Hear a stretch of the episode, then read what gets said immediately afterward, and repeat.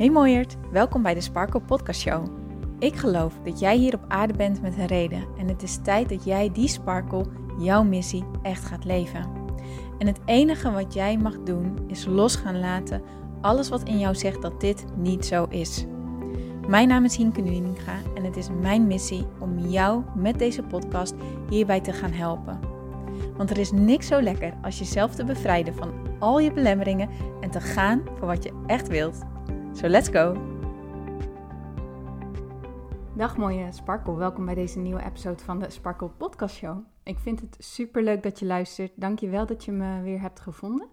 Dank je wel dat je nieuwsgierig bent geweest, nieuwsgierig genoeg bent geweest om op play te drukken. En welkom bij deze aflevering. Voor degenen die mij al wat langer volgen, en die deze podcast al wat langer luisteren, die hebben dus ongetwijfeld gemerkt dat ik het afgelopen jaar afwezig ben geweest. Op twee episodes na, geloof ik, um, is er het afgelopen jaar, en dan bedoel ik eigenlijk zeg maar zomer 2022, zomer 2023, niet heel veel nieuws online gekomen. En dat heeft een uh, grote reden en dat wil ik vandaag met jullie gaan delen in deze podcast. Het is mijn intentie met deze podcast om iedereen die ofwel gewoon nieuwsgierig is naar mijn verhaal, uh, maar ook de mensen die in een moeilijke periode zitten of iemand kennen die in een moeilijke periode zit en eigenlijk willen ontdekken, hey, is er misschien iets wat ik nog kan doen of een beetje op zoek zijn naar hoe kan ik hier nou het beste mee omgaan. Het is mijn intentie dat deze podcast jou daar hopelijk een klein stuntje uh, bij in de rug kan geven. Ik wil eigenlijk deze podcast beginnen met dat ik in september 2021, dus we gaan eventjes twee jaar terug in de tijd, bij een retreat was van Aresina van Roekel. Um, en dat gaat over loslaten. En zij heeft daar een hele fijne methode voor. En ik was een weekend bij haar en het was een ontzettend mooi weekend. En in dat weekend had ik een intentie gezet, namelijk ik ervaar dat het leven mij draagt. Nou, dat, daar hebben we toen dat weekend mee gewerkt. Daarna heb ik het ook soort weer losgelaten, zoals het ook wel wordt geleerd. En het leven ging gewoon verder. Um, ja, het leven ging niet helemaal zoals ik had gehoopt dat het wilde. Zeg maar, mijn bedrijf kwam niet helemaal van de grond zoals ik had gehoopt. En in, in juni 2022 um, ehm, kreeg ik een hele leuke baan als passend, onderwijs, passend onderwijscoach, sorry, wat na de zomervakantie startte. Ik merk dat ik een beetje hoog in mijn ademhaling zit. Ik hoop dat je me daarvoor kunt vergeven. Het is een tijdje geleden dat ik dit heb gedaan. Goed, uh, voor degene die dit weten, ik heb een, onder, ja, een, een, een, achtergrond in het onderwijs. En nu kon ik dat combineren met coaching. En ik vond het gewoon echt een super mooie kans en dat heb ik aangegrepen. Dus in juni 2022 had ik mijn contract ondertekend en de baan die startte na de zomervakantie. En in augustus 2022 kwam ik erachter dat ik zwanger was. En voor degenen die ja, al wel eens zwanger zijn geweest of iemand kennen die zwanger is geweest, bij mij in elk geval uh, ging echt al mijn energie daar naartoe.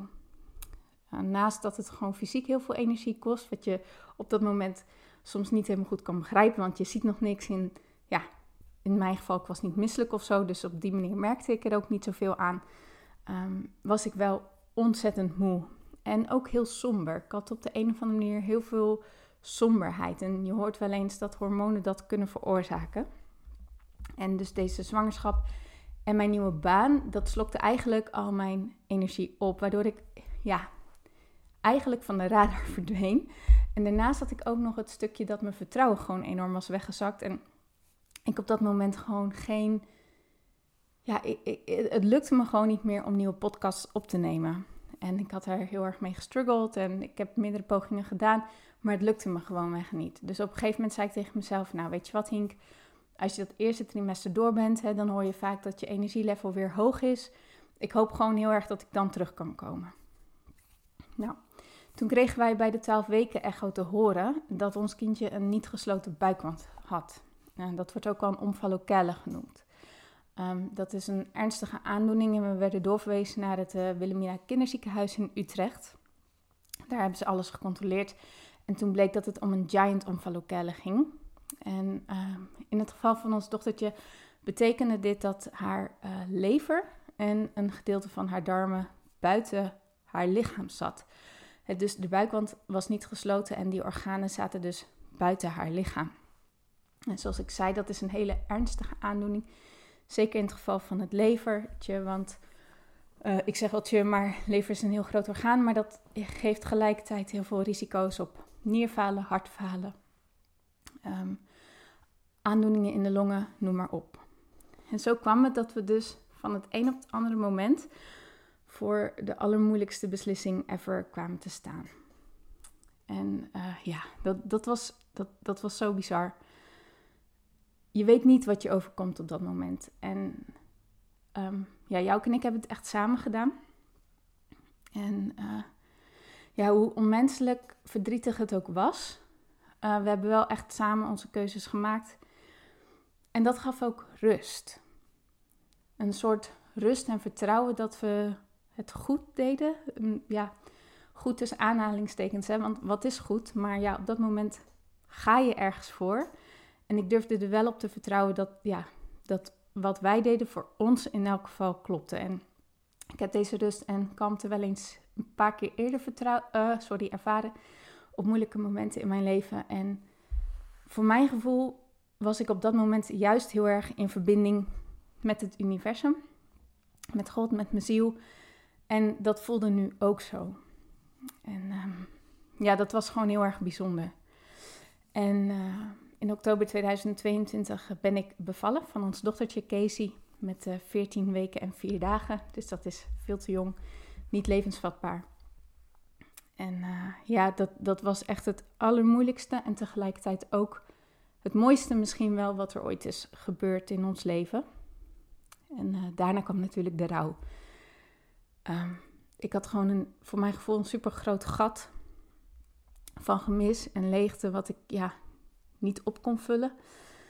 En het voelde ook letterlijk alsof, alsof mijn hart ergens onder klem zat. En wat ik ook probeerde, um, ik het er niet onderaan ja, vandaan getrokken kreeg. Ik had gewoon echt, wel ja, we hadden samen heel veel verdriet. En uh, als ik erop terugblik, ja, ik, de, ik had bijvoorbeeld even geen contact met anderen. Ik las en beantwoordde appjes niet, gewoon simpelweg omdat ik het niet kon. Ik, ik kon het gewoon niet. Maar tegelijkertijd ervoer ik wel ontzettend veel steun van de mensen om ons heen.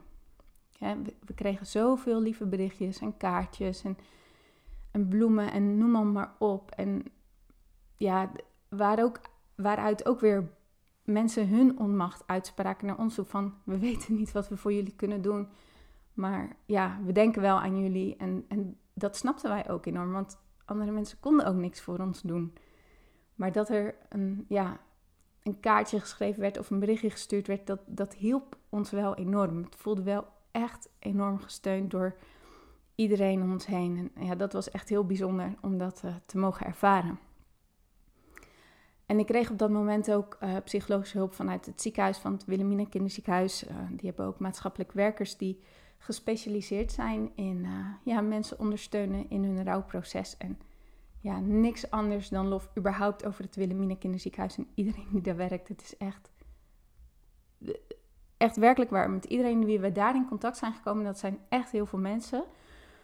Um, die waren zo warm en zo professioneel en zo toegankelijk en, en vriendelijk. En ja, die hebben het echt allemaal wel gezorgd dat we het konden dragen. En um, ik kreeg dus hulp van een maatschappelijk werker um, over het stukje rouw. Want ja, dat, dat heb ik nog nooit eerder meegemaakt. Dus uh, ja, wel um, twee opa's en een oma verloren. Maar ja, dat is natuurlijk een, een, een ander iets. En uh, zij deelde het volgende met me. En dat wil ik ook heel graag delen in deze podcast. Want misschien zit jij zelf wel in de rouw. Of ken je iemand die rouwt. Of nou ja, of ga je gewoon door een moeilijke fase heen. Rouw hoeft niet te betekenen dat, uh, dat er per se iemand hoeft overleden te zijn. Hè? Rouw is natuurlijk veel breder. Het kan ook gaan om iets wat, wat, wat je heel graag wil, maar wat constant maar niet lukt. Of dat je uh, ja, iets waar je uh, hart en ziel voor hebt gegeven, bijvoorbeeld je werk, en dat valt ineens weg doordat je ontslagen wordt of doordat um, het bedrijf failliet gaat of nou ja, wat dan ook. Hè. dat soort dingen kunnen allemaal voor rouw zorgen. Een scheiding, van alles. En ehm, er zijn ook heel veel onderzoeken gedaan naar rouw. En uit een van de onderzoeken is naar voren gekomen hè, dat, er, eh, dat je door vijf fases heen gaat. Van, eh, ehm, van depressie tot acceptatie. Nou, sorry, dat heb ik nu niet voor me, dus dat leg ik nu misschien niet zo heel goed uit. Maar die vrouw die zei tegen mij, ja, eigenlijk is er ook weer onderzoek gedaan naar dat dat... En waaruit blijkt dat dat eigenlijk ook weer niet klopt. Simpelweg, er is geen vaste manier van rouwen en iedereen rouwt op zijn of haar eigen manier. Maar, zo zei ze, wat wel uit bijna alle onderzoeken naar voren komt, is je kan het zien als, uh, stel je eventjes een horizontale lijn voor. En aan het ene einde, uiteinde van de lijn, zitten de mensen die heel erg, uh, ja, ja, de mensen die hun gevoelens toelaten en hun gevoelens ook voelen en, en ervaren. En uh, op die manier ook omgaan met hun rouw. En aan de andere kant van de lijn zitten de actiegerichte mensen. En dat zijn mensen die kijken in eerste instantie altijd naar: kan ik het oplossen? Nou, in dit geval is het dus een geval waarbij je het niet op kan lossen. En dan gaan kijken naar: oké, wat is dan het volgende doel in mijn leven waar ik weer naartoe kan gaan? En nogmaals, er is geen goed of fout. Maar jij voelt voor jezelf hoogstwaarschijnlijk wel bij welke twee van de categorieën jij meer, ehm, ja, wat jou meer omschrijft. En ik ben dus iemand die uh, van de gevoelens en jou is iemand van de actie. En degene, de mensen die uh, in het onder categorie gevoelens vallen, um, daarvan is hun kracht dus dat ze goed hun gevoelens toe kunnen laten. En ehm, ja, dat, dat helpt ze ook. En hè, uh, tijd voor jezelf, stilstaan, reflectie. Allemaal methodes die je dan uh, in kan zetten om te helpen, ja, die jou dus helpen in dit proces. Waar tegelijkertijd het gevaar is dat je stil komt te zitten. En in je hoofd vast komt te zitten. En daardoor soms letterlijk niet meer in beweging komt. Dus misschien wel letterlijk niet meer uit je bed komt of van de bank komt. Of ja, je maar blijft zitten. Ja, letterlijk stil komt te staan. En voor deze groep mensen is de uitdaging om elke dag ook iets te verzinnen om in beweging te zijn. Aan de andere kant heb je dus de actiegerichte mensen. Hè, en ehm, wat, waarvan de kracht is dat er dus heel veel energie in zit. En eh, ja, dat, dat, ze ook heel veel gedaan krijgen en voor elkaar krijgen. En ja, zichzelf ook uh, hiermee dus um, ja, soort in, in, in beweging houden en, en vooruitgang blijven boeken als het ware. Maar hun gevaar is juist dat ze hun gevoelens totaal niet toelaten. En daardoor zichzelf ja, voorbij gaan in dit alles. En de emoties ook voorbij gaan, wat ook niet goed is. Dus aan hun is de uitdaging, de uitnodiging eigenlijk om ook dagelijks een momentje te creëren voor jezelf, waardoor je je gevoelens even toe kan laten.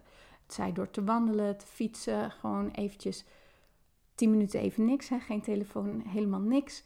Wat dan ook een fijne manier voor jou is, zoek een manier om ook even stil te zijn. En stil te staan bij wat er allemaal binnenin je speelt, hoe eng het ook is. Want dat is het, hè? de gevoelens zijn eng, de gevoelens zijn naar. De deze dit zijn de type gevoelens die je niet wil voelen, omdat ze zo zwaar kunnen voelen dat je ja, eronder bedolven kan raken voor je idee. Nou, en je zou dus kunnen zien dat in het midden van deze lijn een soort pendule hangt. Zo'n, ehm, als je even zo'n hele grote ouderwetse staaklok voor je ziet, dan heb je, als ik het goed zeg, een pendule die beweegt heen en weer. En de uitdaging is om heen en weer te blijven bewegen van actie naar voelen, van voelen naar actie. En hoe hard je heen en weer slingert, hoe groot of klein de beweging is, dat maakt niet uit. Maar als je maar die beweging blijft maken. Nou, dat sprak mij echt ontzettend aan dat ze mij dit, uh, ja, dat ze dit dus deelde. En um, ja, dat, zo ben ik er dus ook mee omgaan, gaan, zeg maar. Wat het voor mij betekende was dat ik Ehm, hele kleine doelen stelde. Dus wat ik net zei, in het begin was ik niet eens in contact met andere mensen. Ik, ik kon het gewoon niet opbrengen. Ehm, Dus een van mijn eerste doelen was in eerste instantie weer naar buiten gaan. Jouw en ik hebben elke dag een, ergens een bos uitgekozen. Daar zijn we naartoe gereden en daar zijn we een wandeling gaan maken. En in het begin mocht ik nog helemaal niet ver, want ik was bevallen. Dus fysiek had ik ook nog dat ik rust moest nemen en zo. Maar dat, ja, dat maakte niet uit, al waren we maar ja, een kilometer bewijzen van. Ehm, en we deden er super langzaam over in het begin. Het maakte niet uit. Het was stralend mooi weer die week daarna, dat weet ik nog heel goed. Heel veel zonneschijn hebben gehad. We hebben ook regen gehad, maar ook met regen hebben we onze regenjassen aangetrokken. En gewoon waterdichte schoenen aangedaan. Of ja, schoenen die vies mochten worden. En we zijn gewoon naar het bos gegaan. En we zijn gaan wandelen. Dat hielp me echt heel Ja, dat, dat, ja, dat hielp me echt. Nou, toen dat er een beetje in zat, is een tweede doel voor mij bijvoorbeeld geworden. Oké, zodra ik eraan toe ben, pak ik mijn telefoon er weer bij en ga ik de appjes lezen voor zolang het goed voelt. En als het niet meer goed voelt, leg ik het weg. Nou, en de stap daarna werd dat ik ook uh, bijvoorbeeld sommige appjes weer ging beantwoorden. Ik, als iemand mij de vraag stelde hoe gaat het, die vraag kon ik al niet beantwoorden. Maar soms kon ik even iets kleins wel sturen bijvoorbeeld. Een, een andere stap werd ehm, dat ik weer contact nam uh, met mijn familie. Die had ik eigenlijk ook nog niet gezien of gesproken. Dus nou zodoende kreeg ik telkens een heel klein stapje. Legde ik mezelf elke keer weer kleine doel, ja, doelen op. Zeg maar, dacht ik, oké, wat zou ik nu fijn vinden om naartoe te gaan werken? En daar nam ik dan de tijd voor. En zo bracht ik mezelf in beweging.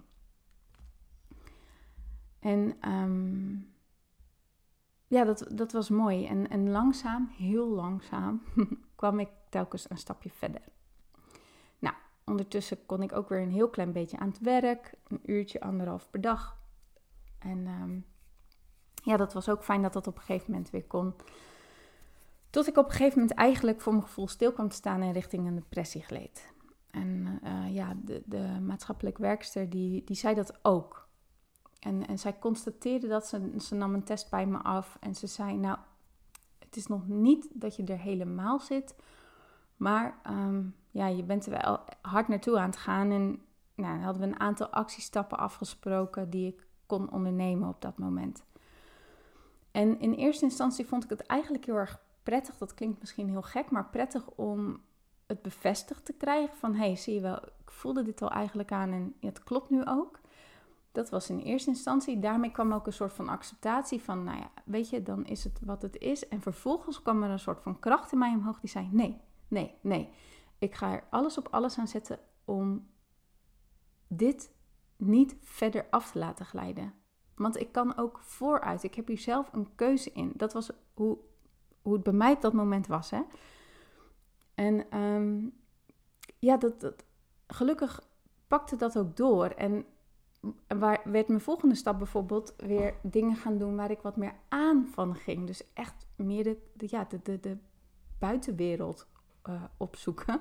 Want op dat moment was mijn contactenkringetje nog steeds heel klein. En bijvoorbeeld gaan sporten met andere mensen. En ja, zo kwam ik er dus um, beetje bij beetje um, weer een beetje uit. En ben ik ook een training gaan volgen bij, uh, bij Aresine, bij wie ik toen in september 2021 e-, dat retreat had gevolgd. En ik was met, zij deed haar lancering en ik was met haar aan het appen. En ineens herinnerde ik mijn intentie van die ik dus in, op dat retreat had gesteld, namelijk van ik voel me gedragen door het leven. En ik kon op dat moment zien hoe verdrietig ik op dat moment nog steeds was. En het was toen, ik geloof, november of december. Dus nou ja, laten we zeggen, we waren ehm, twee maanden, zeg maar een maand tot twee maanden verder, hoe bizar heftig het ook allemaal was en, en was geweest, ik ook tegelijkertijd alleen maar heb ervaren dat ik gedragen werd. Wat ik zei, de mensen uit het ziekenhuis, de mensen uit de zorg, die waren zo ontzettend behulpzaam en attent. En ik heb echt zo'n enorm respect voor wat deze mensen allemaal voor ons hebben gedaan. En nog steeds voor elke dag voor iedereen in het ziekenhuis daar dus doen. Uh, maar ook mijn vrienden en familie om me heen. Dat ze ook het begrip op konden brengen dat ik gewoon even afwezig was. En dat dat ook oké was, dat dat er mocht zijn. En dat ik me tegelijkertijd wel heel erg gedragen door ze voelde. Doordat, ja, zo, zo voelde dat gewoon. Um, en ook financieel was er bijvoorbeeld een vangnet op dat moment. Mijn werk was ontzettend begripvol.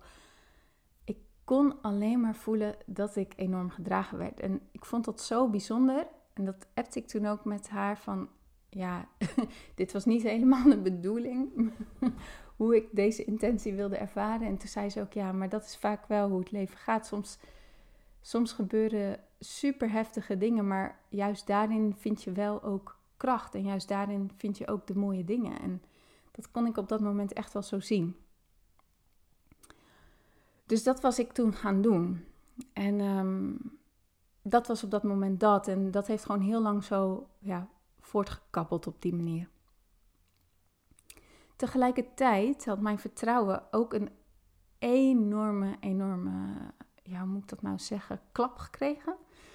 Ik weet nog steeds niet of het de situatie is geweest die me extra onzeker had gemaakt. Of dat deze onzekerheid er altijd heeft gezeten en ik eigenlijk ehm, allerlei copingmechanismes in had gezet om het maar een beetje te verbergen. Ik weet het niet, maar ik was zo onzeker echt als, nou, ik, ja, als, ik weet niet wat. En dat stond me heel erg in de weg.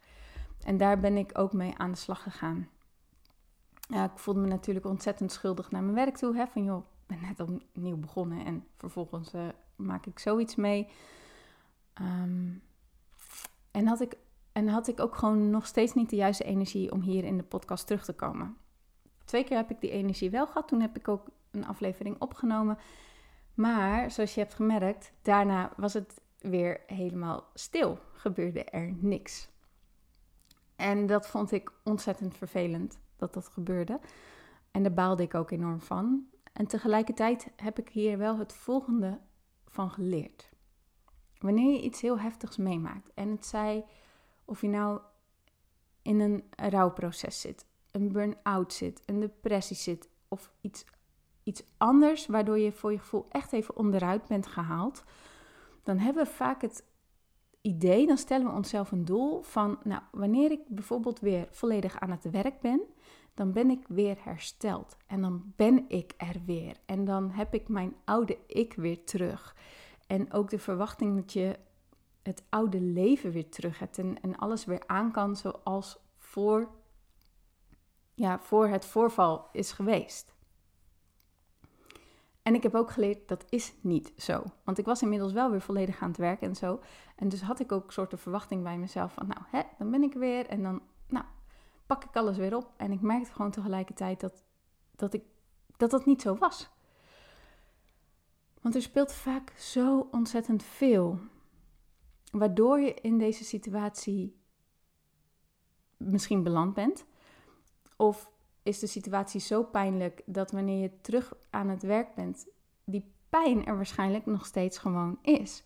Of de patronen en de gedachtegangen die ervoor gezorgd hebben dat je in eerste instantie jezelf helemaal overwerkt hebt, of um, jezelf constant aan de kant hebt geschoven, ehm, of uh, ja, gewoon, weet je, je, je zo ontzettend niet gezien en gevoeld hebt gehoord, uh, waardoor je dus uit tot als gevolg uiteindelijk in een burn-out of een depressie of wat dan ook terecht bent gekomen.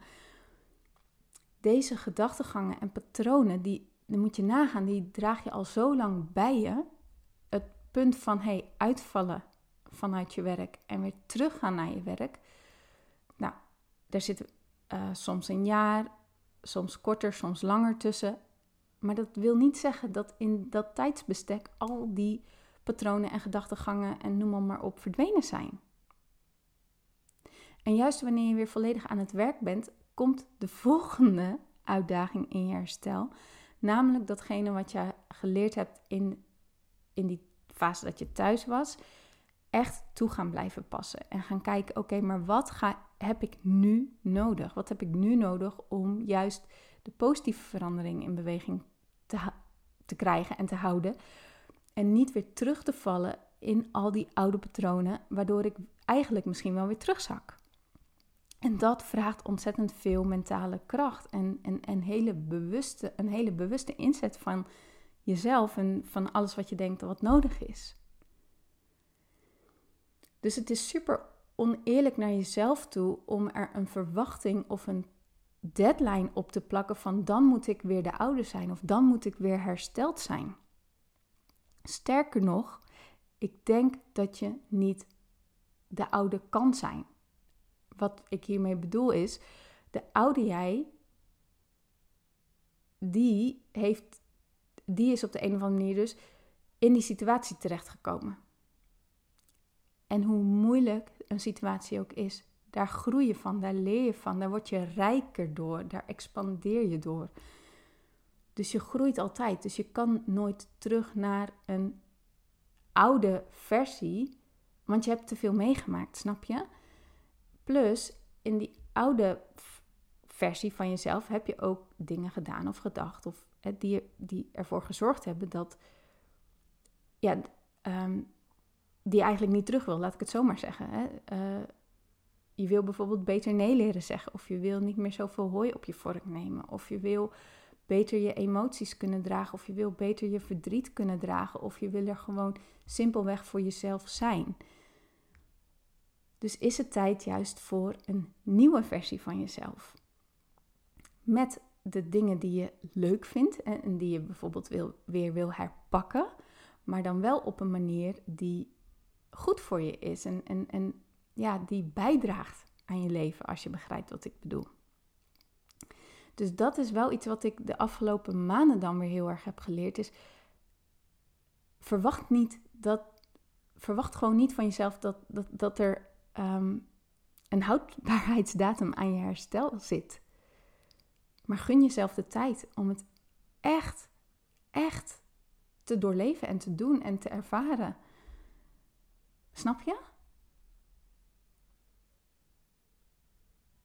Neem de tijd, hoe lang het ook duurt. En kijk gewoon naar wat jij nodig hebt om jezelf in deze situatie te dragen in de tussentijd. En dat is niet makkelijk, maar het is wel nodig. En in mijn ogen ook de manier om, ja, om, om, om er uiteindelijk sterker uit te komen. What doesn't kill you makes you stronger is natuurlijk een ontzettend groot cliché, maar als je het op deze manier bekijkt, wel een heel mooi gezegde. Wat heb jij nodig om jezelf te dragen, zodat je er uiteindelijk juist door groeit en sterker uitkomt?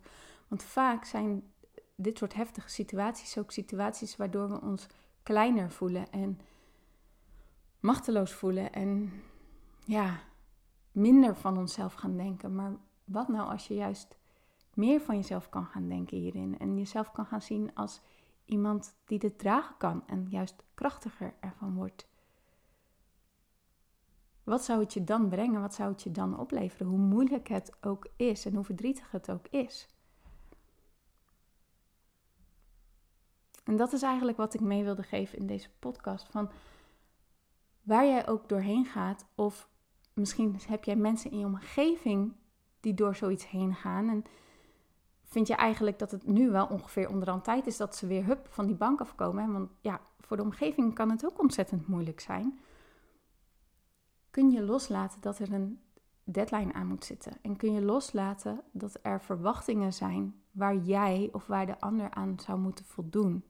En kun je gewoon laten zijn wat er is? En kun je dat op een of andere manier, op de manier die bij jou past, dragen?